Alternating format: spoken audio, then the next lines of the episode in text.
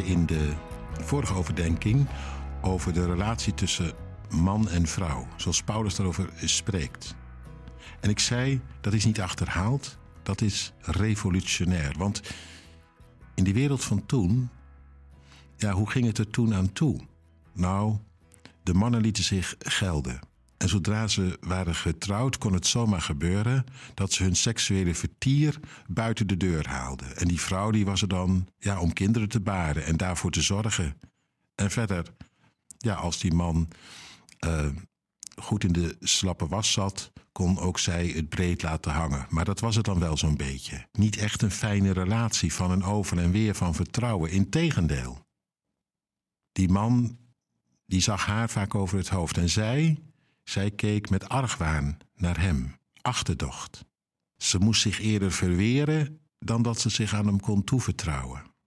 Zo'n wereld, die ook zomaar verdacht veel kan lijken op de wereld van nu. Ik ga dat verder niet uit de doeken doen. We weten er allemaal van op een of andere manier. En midden in die wereld zegt Paulus dan: die man moet om te beginnen zijn als Christus. En die vrouw mag dan zijn als zijn bruid.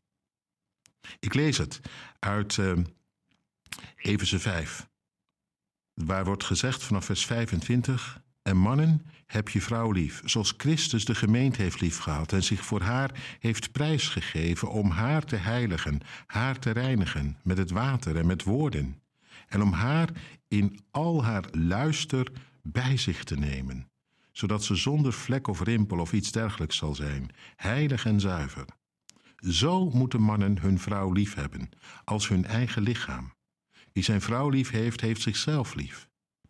Niemand haat ooit zijn eigen lichaam, integendeel, men voedt en verzorgt het, zoals Christus de kerk. Want dat is zijn lichaam en wij zijn de ledematen. Daarom zal een man zich losmaken van zijn vader en moeder en zich hechten aan zijn vrouw, en die twee zullen één lichaam zijn. In deze woorden schuilt een groot geheim. Ik betrek ze op Christus en de kerk.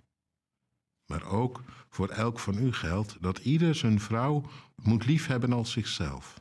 En dat een vrouw ontzag moet hebben voor haar man. Of anders gezegd, zich aan haar man toevertrouwt.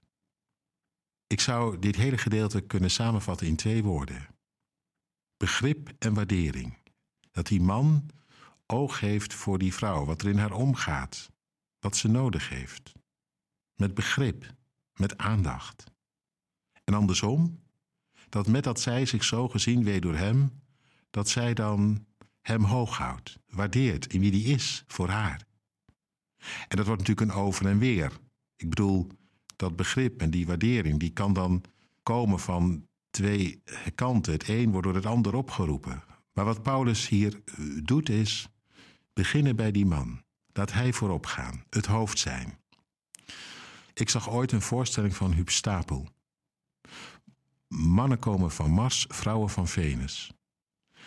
En apart genoeg gebruikte hij dezelfde twee woorden. Ze werden heel groot op het toneel geprojecteerd. Begrip en waardering. Ik vond het een preek. In lijn van Paulus, maar dan seculier gezegd. Het is zo raar nog niet wat Paulus hier schreef.